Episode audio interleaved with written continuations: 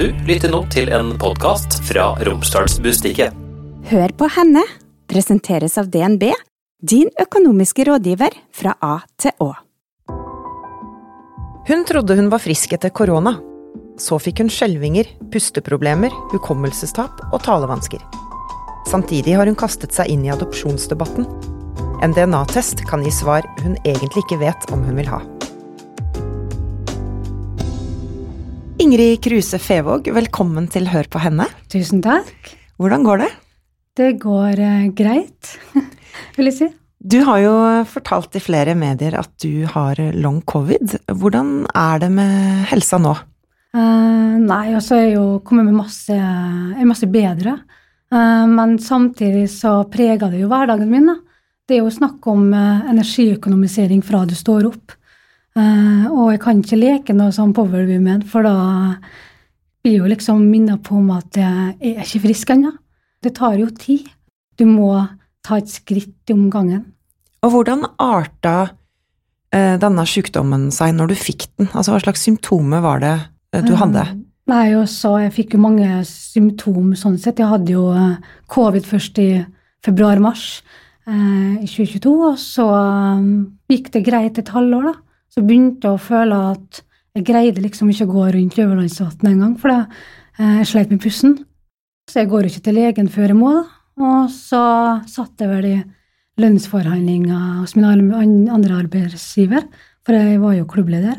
Og da kjente jeg at eh, jeg begynte å svette, jeg sleit med taleevnen, begynte å skjelve. Jeg var helt utafor. Så vi hadde jo bedriftshelsetjeneste på plassen, og liksom Ingrid, nå må du bare komme til legen. Så var jeg kommet til til fastlegen og rett på sykehuset. Ble du redd? Altså når du Um, får sånne symptomer? Ja, i hvert fall når fastlegen min sa at det kan være eh, blodpropp på lunga. Da knakk jeg sammen på legekontoret. Eh, For da skjønte jeg at herregud Jeg ble kanskje ikke så redd. Altså, jeg roa meg jo ganske fort ned da, så lenge de fikk utelukka forskjellige ting på akutten. Så alt kom egentlig gradvis med symptom. da. Jeg fant jo en gruppe på Facebook der jeg leste andre som hadde det. For jeg begynte jo liksom å ane at det kan være det. Det måtte jeg jo liksom lese meg opp sjøl. Eh, og når liksom, ja, de symptomene har jo ikke jeg, men så kom de gradvis. da. Eh, det verste var jo egentlig eh, eh, hukommelsessvikten. Og lesevansker, talevansker, skjelving i armer og bein, pustevansker og stikning av brystet og ja, Jeg kan liksom ramse opp mange her, men, men det er som at det ble jo pleietrengende over natta. Hvordan var det? Det var brutalt. Det var det. Um, sånn at jeg trenger jo hjelp til alt. Det er liksom I mange måneder så var jo hovedmålet å ta, ta seg en dusj. Da måtte jeg jo sitte. Jeg greide jo ikke å stå i dusjen. Jeg var jo så sliten. Ukemålet da var jo å komme seg på butikken. Eh, og da var jo datteren min Maria med. Hun var jo med meg egentlig hele tida. For jeg greide jo ikke å være hjemme alene. og eh, Jeg greide ikke å lage meg mat, liksom. Så eh, da var det noen ganger så gikk det greit å kjøre til butikken. Tar kanskje fem til sju minutter, og så var jeg sliten når vi har kommet fram til butikken, så jeg, jeg måtte bare si men du må bare gå inn og handle, det, for det har ikke mer krefter, det. Hva slags hjelp og oppfølging eh, har du fått? I starten så fikk jeg jo bare beskjed fra alle instanser eller leger og sånn med at uh, det er nok long covid. Jeg var heldigvis jeg så utrolig takknemlig for blei trodd, da.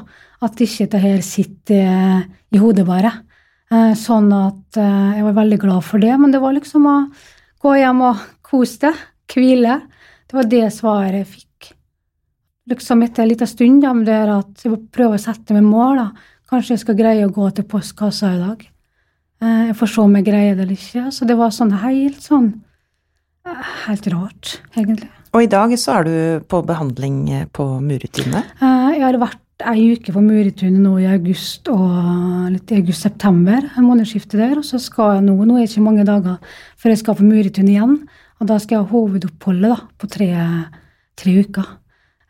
Sånn at nå skal vi jobbe med det kognitive. For det er vel sånn at man ikke helt veit altså hva long covid er. Og det er vel også litt omdiskutert. Hva, hva sier du hvis folk på en måte er skeptiske i forhold til din long covid? Altså, jeg tenker Jeg kan liksom ikke bry meg så masse om hva, hva andre her eh, mener og tror og syns, for jeg, har, jeg kan ikke bruke energi på det. Men jeg har vært veldig sånn bevisst i sosiale medier, da. Hver gang jeg liksom kom på butikken, og når jeg greide det, så Gud, Ingrid, hva så bra du ser ut. Du, ser så frisk ut. og det er jo sånn med kroniske sykdommer, du kan ikke se hva som er. Eh, og da liksom Søren, altså, hvis de tror det er så enkelt at det liksom, jeg ser så frisk ut og alt er bare fryd og gammen, så tror de feil. Så stakk det jo en litt sånn Nei, nå skal jeg vise dem. Eh, så jeg hadde jo noen poster jeg er veldig bevisst på hva jeg legger ut. da, At det ikke skal være sånn stakkars meg, men jeg, jeg vil at de skulle bli med på litt av min reise, sjøl om det må oppleves for å skjønne det. Eh, så jeg la jo ut liksom at sånn er det litt sånn innafor de fire veggene. Første gangen jeg greide å lage meg et godt måltid, det er jo litt sånn matglad og glad i å lage mat.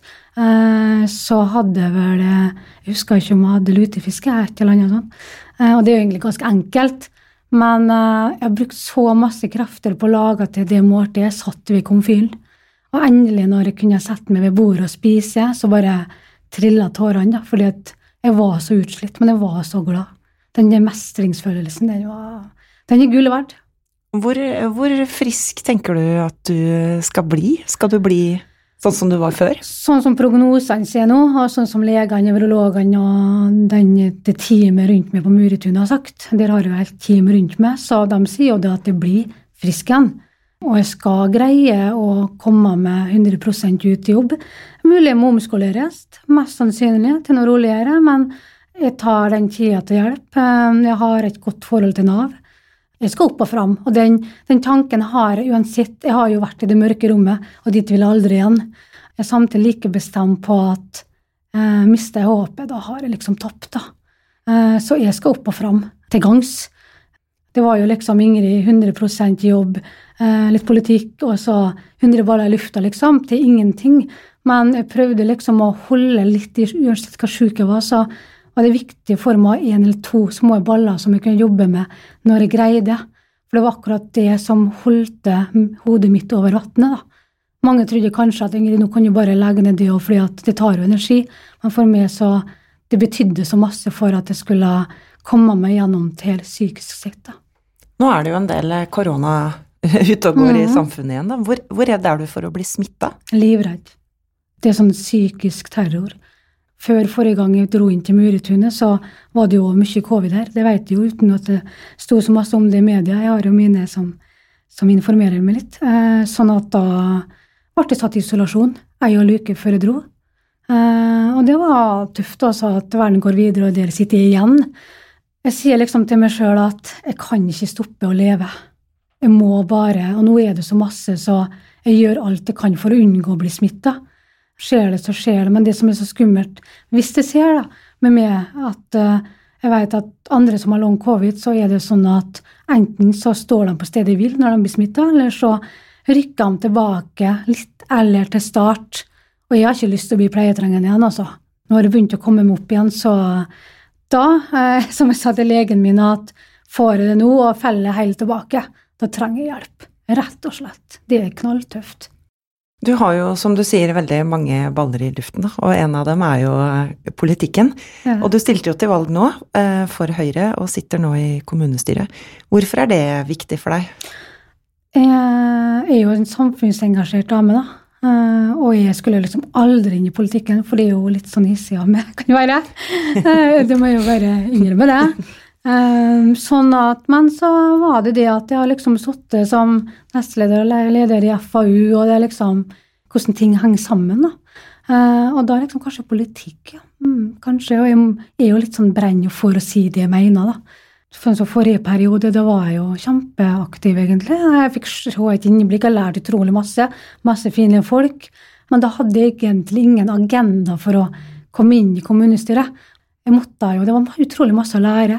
Sånn at bare jeg fikk si det jeg ville, og jeg ble jo valgt inn i noe verv da, og liksom bare få en smaken på det.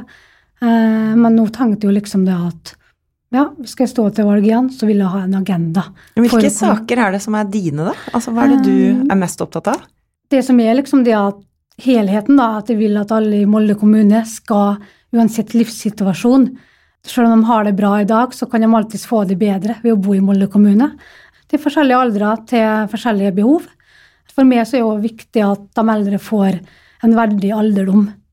For eh, de har jo stått på for at vi sitter her i dag, på mange måter, så det er veldig viktig. Men etter jeg ble syk, så er de kroniske syke heier på og jobber for. Det er jo ikke snakk om bare dem som blir ramma av å være kronisk syke, om det er over lang tid eller over kort tid, men det er jo snakk om Gud bedre meg kan gå gjennom dem eh, pårørende.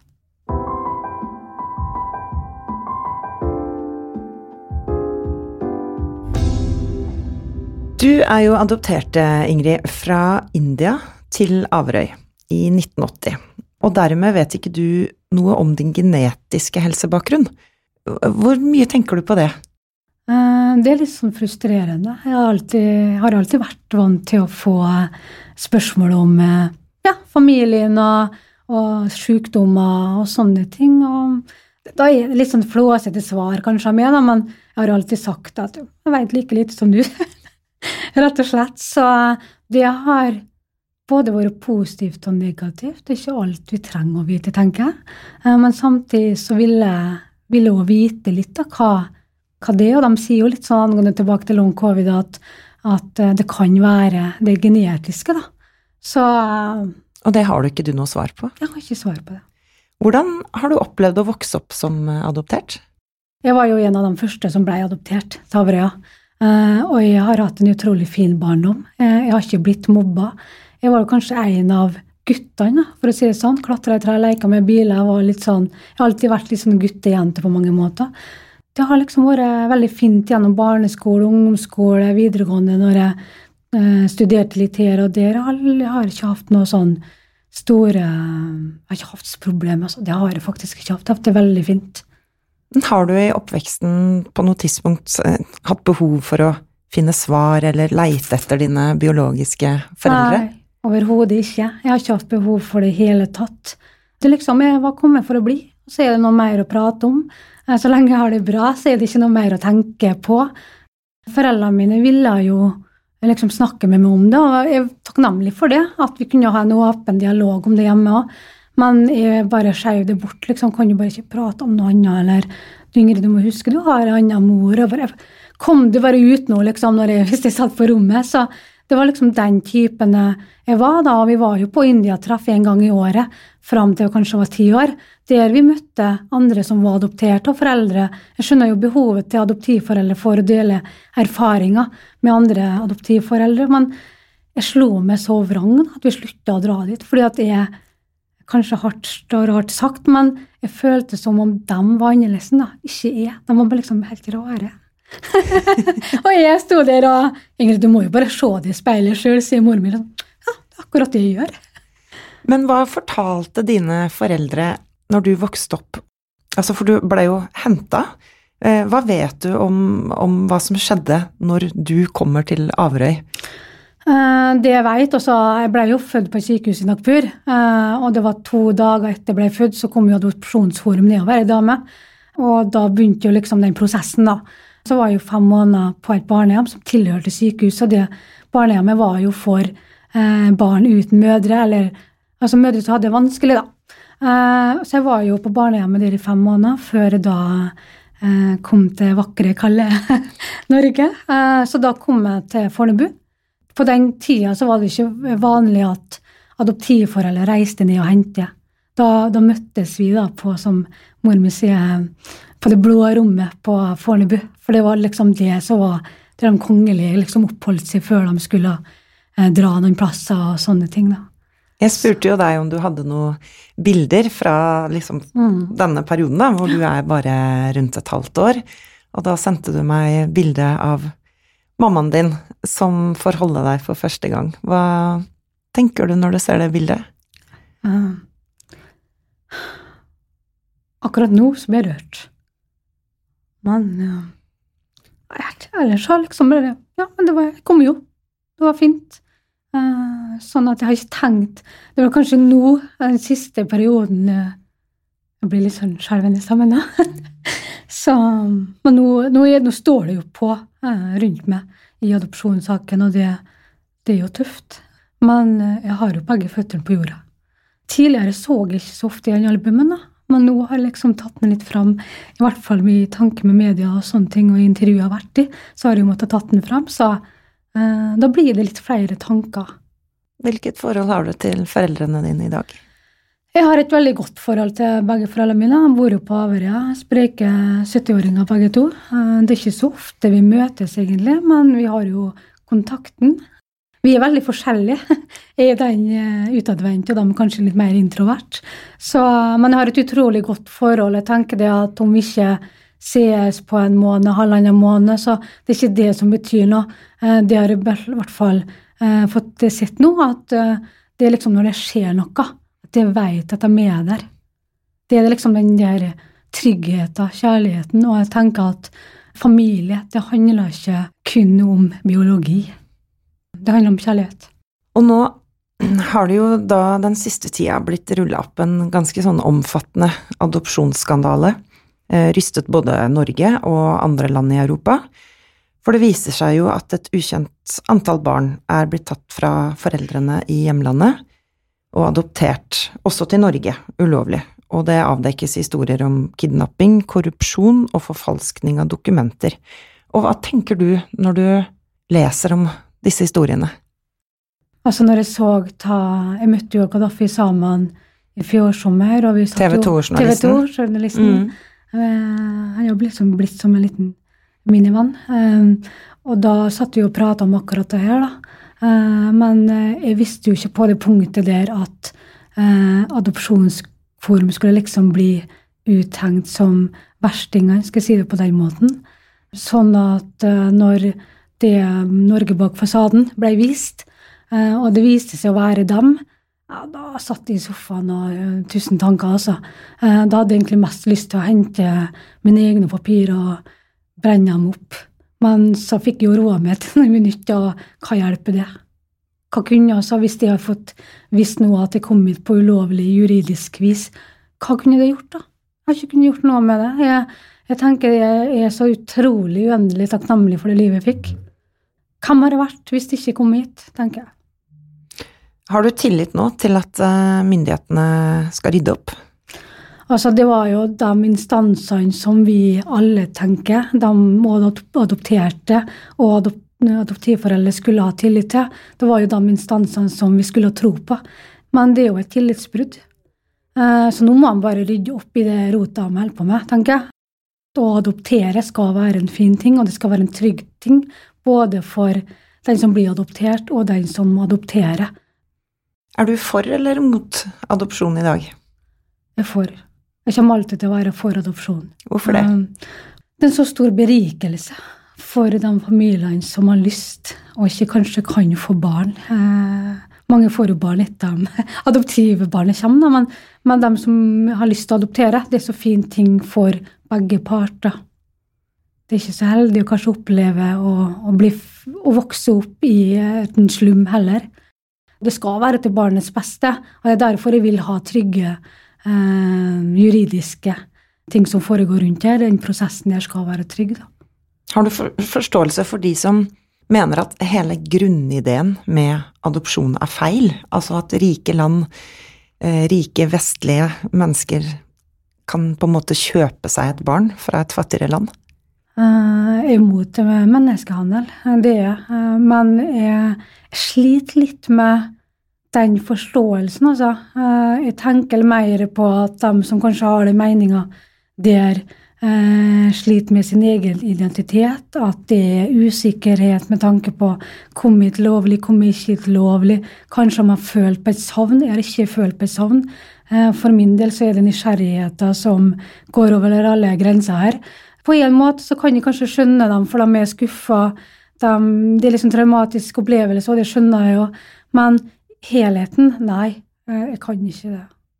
Det er ikke et eh, enkelt spørsmål, dette her. Nei, det er et sånn utrolig stort spørsmål som Jeg vet ikke om det er et fasitsvar på det. Det er mange som er, som jeg sier, hjemmelaga, som ikke har noe, et godt forhold til sine foreldre. Og det er mange som kanskje blir adoptert, som ikke føler den tilhørigheten til adoptivforeldre. Altså Det er ikke noe fasitsvar. Det kan like godt skje med dem som er hjemmelaga, som som er som blir adoptert, tenker jeg. Hei, jeg heter Ida og jobber som finansrådgiver i DNB Molde. Visste du at seks av ti spareavtaler i fond tilhører menn, og at menn har en bruttoformue som er 1216 milliarder høyere enn kvinner? Det tilsvarer et helt statsbudsjett. Bli med og tett kapitalgapet. Gå inn på dnb.no for å avtale en rådgivningssamtale med oss. Hva har denne skandalen gjort med deg og ditt behov for å finne svar? Jeg har alltid vært den som ikke har villet vist interesse, av mange grunner. Eh, fordi at, som sagt, jeg har kommet hit og ferdig med saken. Men eh, det her har gjort at jeg har blitt utrolig nysgjerrig. da. Tidligere så har jeg ikke vært nysgjerrig fordi at jeg ville skåne meg sjøl. Eh, så jeg, litt sånn, jeg lå liksom og tenkte litt på det i senga en kveld, at kan faktisk bli min verste fiende, da. Oppi det her. At ja, hvordan da? Jo, fordi at det kanskje har skåna meg for tidligere, sånn følelsesmessig og eh, akkurat det her greiene her, er at nå er jeg så utrolig nysgjerrig på min bakgrunn. Hvem er jeg? Altså, jeg, veit vet hvem jeg er, for all del, i, i Norge og sånn, men hvem kunne jeg vært? Hva kunne jeg vært en del av? Eh, og vi er kanskje en del av uten at jeg føler meg 110% norsk? Det er akkurat det. Den trigger så utrolig inni meg nå at det bobler inni meg. Jeg spiller jo med følelser her, da. sant? Før så var jeg veldig flink til å liksom sette grenser. Hvor nysgjerrig skal jeg være eh, for å skåne meg sjøl? Nå er det bare grensene brutt i alle retninger, egentlig. Og hva har det ført til? Det har ført Det var om og men, her òg. Eh, skal vi gjøre, skal vi ikke gjøre? Eh, det er jo liksom Maria Vi er jo tom der. Altså datteren din? Ja, datteren min som er snart 18 år. Vi, vi, vi, liksom har alltid stått i hver vår ende, for hun har vært så interessert. Jeg har ikke vært interessert, jeg har bare avfeid henne så innmari. Så kom jeg til et punkt at hvor lenge skal jeg avfeie henne, da? For det er jo hennes liv òg. Hvor egoistisk skal jeg være? Eh, hvor mye skal jeg beskytte meg sjøl? Men kanskje hun må trenge noen svar for å få sin helhet vi fikk jo liksom oppfordra litt av en Jeg har jo snakka med Øystein Hauge om det her, og jeg har snakka med Gaddafi om det her, og liksom eh, Nei, kanskje vi skal begynne å skrive bok? Kanskje vi skal begynne å skrive bok hvordan er det å være adoptert? da? Og min historie begynner jo fra jeg kommer hit, den prosessen er med til foreldrene mine. Og eh, Maria sin historie begynner fra hun oppvoksen hennes. Hvordan er det å være barn og adoptert oppi det her? da? Før det her og etter det her. Hvordan er det for henne? Og jeg tenker at den boka der òg kan være til hjelp for dem som har lyst til å lese om vår historie. Det er jo like mange historier som adopterte. Men det er litt spesielt at barn av adoptert er med på et sånt prosjekt. For det, har jeg fått hørt at det ikke er noen andre som har gjort det ennå. Det har jo resultert i at jeg sendte inn eh, DNA-test. Oi. det var liksom, tenkte jeg ja, men jeg kan jo bare sende inn en. Altså, hva er farlig? Altså, no feelings, ingenting. Så supertøff. Gud, så tøff jeg var. Eh, men eh, så gikk jo ukene, da. Så fikk jeg jo Nå vet jeg at svaret kommer. Og den, den blir jo My Heritage, og den ble jo sendt til USA, så vi skjønte jo det at svaret kom til å komme på en kveld. Eh, eller jeg så det en morgen, da. Er det en e-post som tikker inn i innboksen din? Vi oppretter en sånn um, min side. Uh, og nå sliter jeg som sagt med hukommelsen, så det var jo Maria som har oppretta den sida jeg hadde passordet. Sånn at når jeg fikk jeg våkna en lørdag morgen og så at jeg kom med svaret så måtte Hvordan jeg bli... følte du det da? Nei, altså, Jeg lå bare i senga og ikke stått opp ennå. Liksom, hva gjør jeg? Jeg visste ikke. Jeg var helt, uh, helt ute av meg sjøl. Uh, jeg trodde ikke jeg skulle reagere sånn, da. For det var jo så spennende, men så var det så skremmende.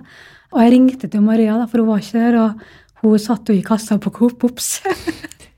Herregud, vi har fått testen, hva gjør vi? Kan jo bare gå inn og sjekke? Jeg må bare ha passordet. Og hun ble jo helt sånn Akkurat da var det ingen kunder der, og hun bare Mamma, hva gjør vi? Eh, så hun fikk jo, leste jo svaret før meg. Ja, ikke si noe. Jeg må bare roe meg. Fordi når jeg blir trigga nå i en periode, når kroppen min blir trigga, så får jeg som regel ofte skjelvinger i føtter og armer og bein eh, pga. long covid. Så jeg måtte bare Ingrid, nå må du bare ta det helt rolig.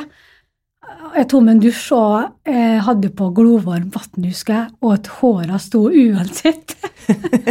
tok rundt med en håndduk og ringte Magnus Holen som også er adoptert fra Brasil.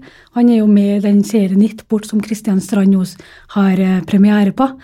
Og ringte Magnus, for han har jo vært gjennom akkurat det samme som meg. da. Magnus, jeg har fått svaret. Jeg må bare prate med deg. Og da sa jeg jo svaret til han, da. Eh, For da har jeg jo gått inn, sto der med håndkle rundt meg og kikka på svaret og bare Å, herregud, tenkte jeg liksom. Og da Og Forklar, hva er det du får svar på, egentlig? Jeg får svaret på øh, altså hvor de her får liksom Hvor norsk er du, da? Er jo de nordmenn, og er det noen andre land som du Kanskje, kanskje du er litt italiensk òg. Det er jo dem som har blitt det òg. Liksom litt norsk-italiensk, og de har jo bruker for alt det er verdt. I hvert fall dem jeg prater med. Eh, og så får du vite, hvis det er noen andre familiemedlemmer, da, fjerne eller ukjente, som har også tatt den testen og sendt inn, så ligger jo de i samme registeret. Så de plopper jo opp, da, eh, om det nå er nær, nære familiemedlemmer, eller om det er fjerne. Og hva sto i svaret ditt? Nei, og så er, jo da 99% indisk og 1 papuguansk. Papuguansk? Hva, hva, hva er det, liksom? tenkte jeg. Så jeg googla jo, da. Og da kom det jo fram bilder av noen sånn halvnakne menn i bushen som var, hadde farge i ansiktet, da, liksom, eh, som pynte seg, sikkert. Herregud, noen vil ikke se mer, tenkte jeg. Så jeg bare sveipa bare videre. Eh, og da var det dukka opp elleve ukjente familiemedlemmer. Så tenkte jeg at skal jeg se på det, for jeg var jo livredd, jeg er livredd for å finne noen nærme, da. eh, Nære slektninger. For jeg veit ikke hvordan jeg takler det. Hvor er de hen? Men det var elleve fjerne slektninger, med fjerne slektninger så snakka vi her femmenninger, da. Men alle var jo i Europa. Hva gjør du nå med den informasjonen? Ehm, jeg tenker det at jeg skal ta nå, nå er jeg i en prosess som jeg må tenke meg godt om. Det er ikke bare jeg som skal tenke meg godt om, det er Maria skal tenke seg godt om. Vi får bare bearbeide det. Nysgjerrigheten på å oppsøke noen av dem her, kanskje eh, finne noen nærmere, den, den ligger jo og, og pirrer litt, da. Men jeg tenker det at det her vil jeg ha for meg sjøl. Jeg vil bruke tida eh, godt med å tenke hva skal jeg gjøre, for det er så stor betydning for resten av mitt liv. Jeg kommer kanskje til å gå ut i media med å si hva jeg har gjort den dagen jeg har funnet noen, eller om jeg skal finne noen, eller der jeg kanskje har blitt litt mer sikker på hva jeg skal gjøre. For eh, den tida er så sårbar og dyrebar. Har du vært i India i det hele tatt? Nei, jeg har ikke det. Jeg har ikke vært eh, i India siden jeg kom hit. Så eh, det gleder jeg meg til. Det blir spennende. For du har bestemt deg for å reise? Ja, eh, jeg har bestemt meg. Eh, Men nå er det jo det at egentlig skulle vi reise nå i oktober som var, men eh, det greier jo ikke nå. Fordi at største problemet nå er jo å ha masse folk rundt seg. For jeg er jo ikke sosial i hele tatt. Det er kun på jobb og når jeg er i møte. Ellers er jeg ikke på konserter eller fester eller eh, teater eller noe som helst. På grunn av På den long coviden. Ja. Mm. fordi at jeg har ikke energi til det. Så først så må jeg bli masse bedre. Jeg har blitt masse bedre, men altså eh, Å komme til India der det er millioner, sant, og rundt meg og Det er litt annet enn Molde. Ja, litt annet enn Karl Johan, eksempel, i Storgata her. Altså. Det er det jeg må liksom bli sterkere på, da, med, med tanke på støy, eh, folk, lukte, alt. Det må jeg bli sterkere på. Så jeg håper endelig at vi får reise nå i oktober neste år. 2024. 2024. Og da håper jeg da at øh, vi kan få med oss, uh, som Kadafi sa, at kanskje det kan være noen i NRK, TV 2, Novemberfilm som har lyst til å være med på deres reise og, og lage en dokumentar av det. Jeg frir jo litt til dem nå, da. Kanskje vi kan få til noe sammen. Sånne dokumentarer er alltid litt sånn fine, men sårbare. Du er jo en person som ofte er i media, og har jo fortalt både om long covid og adopsjon. Søker du bevisst eh, oppmerksomhet? Jeg kan ikke nekte på det. Men grunnen til at jeg har gjort det i både long covid og, og adopsjonssaken, er fordi jeg vet jeg kan hjelpe andre. Eh, Og jeg har fått hørt det. Jeg har fått utrolig mange telefoner fra ikke bare fordi at jeg har vært i Romsa Bustikk eller grav, men hele landet. Jeg har jo vært i VG og Nettavis og det som er. Men Det at, kan, at andre skal føle seg mindre alene i det eh, de står i, da, i de sakene her. At det kan hjelpe andre, at vi kan støtte hverandre. Det kan hjelpe dem, det hjelper meg. Ikke for å skryte av meg selv, men jeg syns det, det, det, er bra. Jeg, jeg heier på åpenhet. Eh, for jeg er litt sånn meget ganske lei av, av, av alt den der eh, perfekte verden i sosiale medier og, og, sånne ting. Alt er så perfekt, alt er så overfladisk. Mange bekjente eller vennskap har jeg liksom tenkt tilbake på, ikke for å ta noe, men det er egentlig så overfladisk. Jeg har blitt, blitt en sånn dypere person av eh, det jeg har vært gjennom nå. Og i andre saker så har du jo også ment ganske sterkt. For eksempel kan vi nevne nordmørsbunaden, når eh, bunadsgeriljaen eh, herja. Får du noen negativ kritikk på at eh, Eller tilbakemeldinger på at ja. du er synlig i mange saker? Ja da. Jeg har jo Jeg, fikk jo, jeg følte at jeg fikk hele Kristiansund og Nordmøre imot meg. Jeg gjorde det. Jeg vet det er mange som er enig med meg i det jeg gjorde, og det jeg sa. Jeg har en nordmørsbunad og er utrolig glad i den. og det var jo min mor som sydde den, så den betyr jo masse for meg. og Det er liksom det at han blir brukt Det er mulig han ble brukt i, i sådanne sammenhenger for lenge, lenge siden, uh, men jeg syns ikke det er greit nå, da. Fordi at for meg så er det et festplagg. Liksom, men du bruker den nå, eller? Nei, jeg bruker den ikke nå. Jeg har ikke brukt den siden jeg sto fram i NRK Møre og Romsdal med at nå uh, tar av meg bunaden. Uh, så får jeg se hvor tid jeg er klar for å, å, ta den på meg. Så jeg har jo tenkt litt over når kan jeg være moden for å ta den på meg igjen. Jeg, ikke, jeg vil ikke si at jeg er sånn hårsårdame, for det er jeg faktisk ikke. Men nei, det skal den dagen jeg tar på meg bunaden igjen, så skal det være en festdag. Eh, så vi får se da når eh, sykehuset blir åpna, vi får se hva jeg tenker rundt det. Du skal ikke se bort ifra at jeg dukker opp med bunaden igjen da.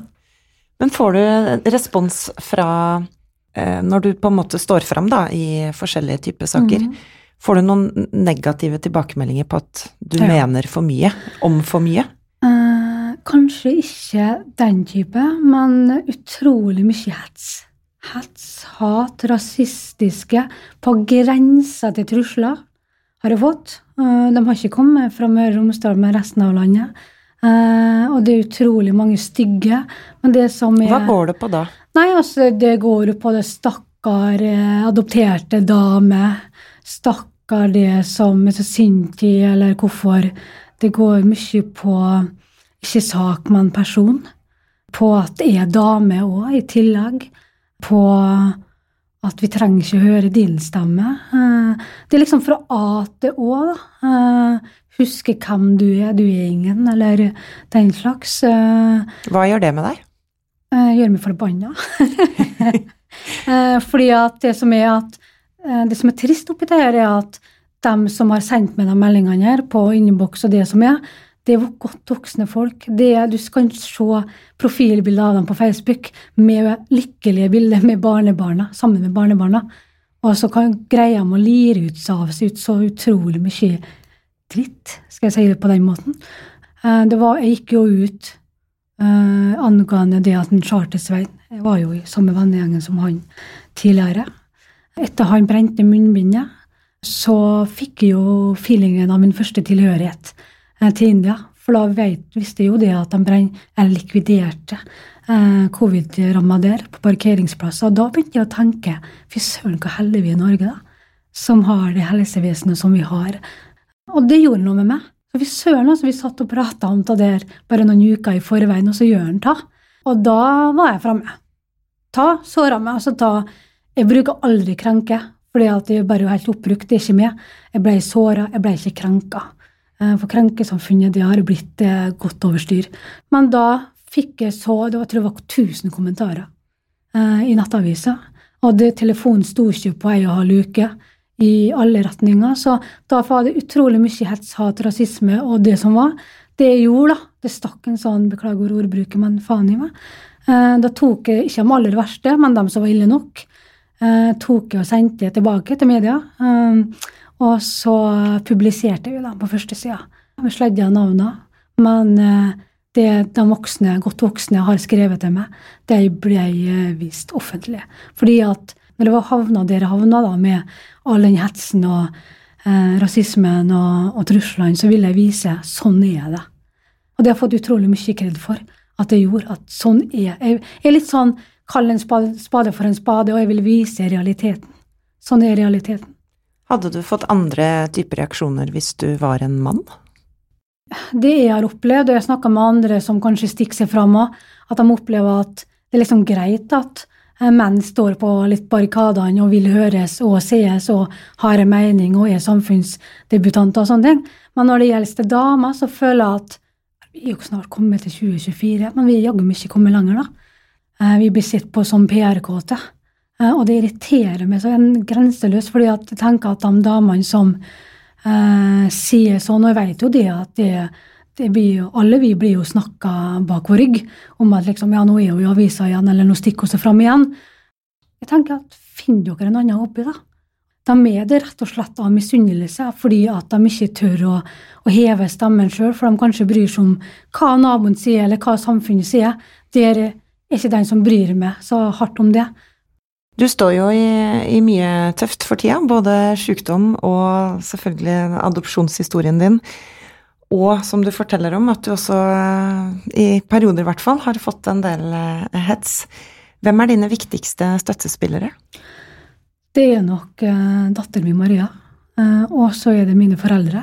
Og i hvert fall min eh, eksmann, som jeg vært skilt fra i åtte år. Vi blei jo eh, lykke fra å være Altså, det passa ikke for oss å være ektepar. Vi ble bestevenner istedenfor. Og jeg har aldri vært greid meg uten han i den perioden her. Han var vel den andre eller tredje jeg ringte til den dagen jeg fikk DNA. Nå, Øystein, nå skal du bli med på tur. Jeg, jeg trenger det. Om vi så da går rundt Øverlandsvatnet, så trenger jeg noen som kjenner meg, som støtter meg, som jeg kan prate med. Og han er der? Han er der. Han står støtt som en bauta. Og så har jeg, jeg er litt sånn at jeg har uh, utrolig mange, en bataljon bekjente, men så har jeg veldig få venner. Og de få vennene jeg har, de er gull verdt. Hva har livet lært deg? Har du et råd som du vil gi videre? Jeg tenker det han skal være så utrolig glad når, eh, når eh, de våkner friske, har god helse, har de mulighetene foran seg. Prøv å sette pris på hver en dag, på de små tingene. Det er dem som betyr noe. Vær derfor, og bli gjerne dypere. Ikke, ikke være sånn overfladiske, men så vise at du bryr deg om folk. Tørre å spørre har du det bra, går det bra med deg? Og så skal vi òg bli flinkere til å være kanskje mer åpne om å, å, si nei, jeg har det ikke så bra i dag. At folk kan være litt flinkere til å takle det svaret. da. Så, og det å, det å gripe muligheter det har jeg blitt veldig sånn bevisst på. Gjør det som gir det noe. Tenker jeg å bruke tid sammen med dem som gir det noe. Hvilken kvinne ser du opp til? Det er nok Shabana Rehman. Hvorfor det? Tre år, da. Det er tøff, uredd og sårbar. Ingrid Kruse Fevåg, tusen takk for at du var gjest i Hør på henne. Takk, takk. Hør på henne er laget av Romsdals Bustikke. Produsenter er Stian Viken og Hanne Fleischer. Mitt navn er Vera Henriksen. Har du ris, ros eller innspill til gjester? Send meg en e-post på hennealfakrøll-r-b.no. Følg oss også gjerne på Instagram, så håper jeg vi høres snart. Hør på henne presenteres av DNB, din økonomiske rådgiver fra A til Å.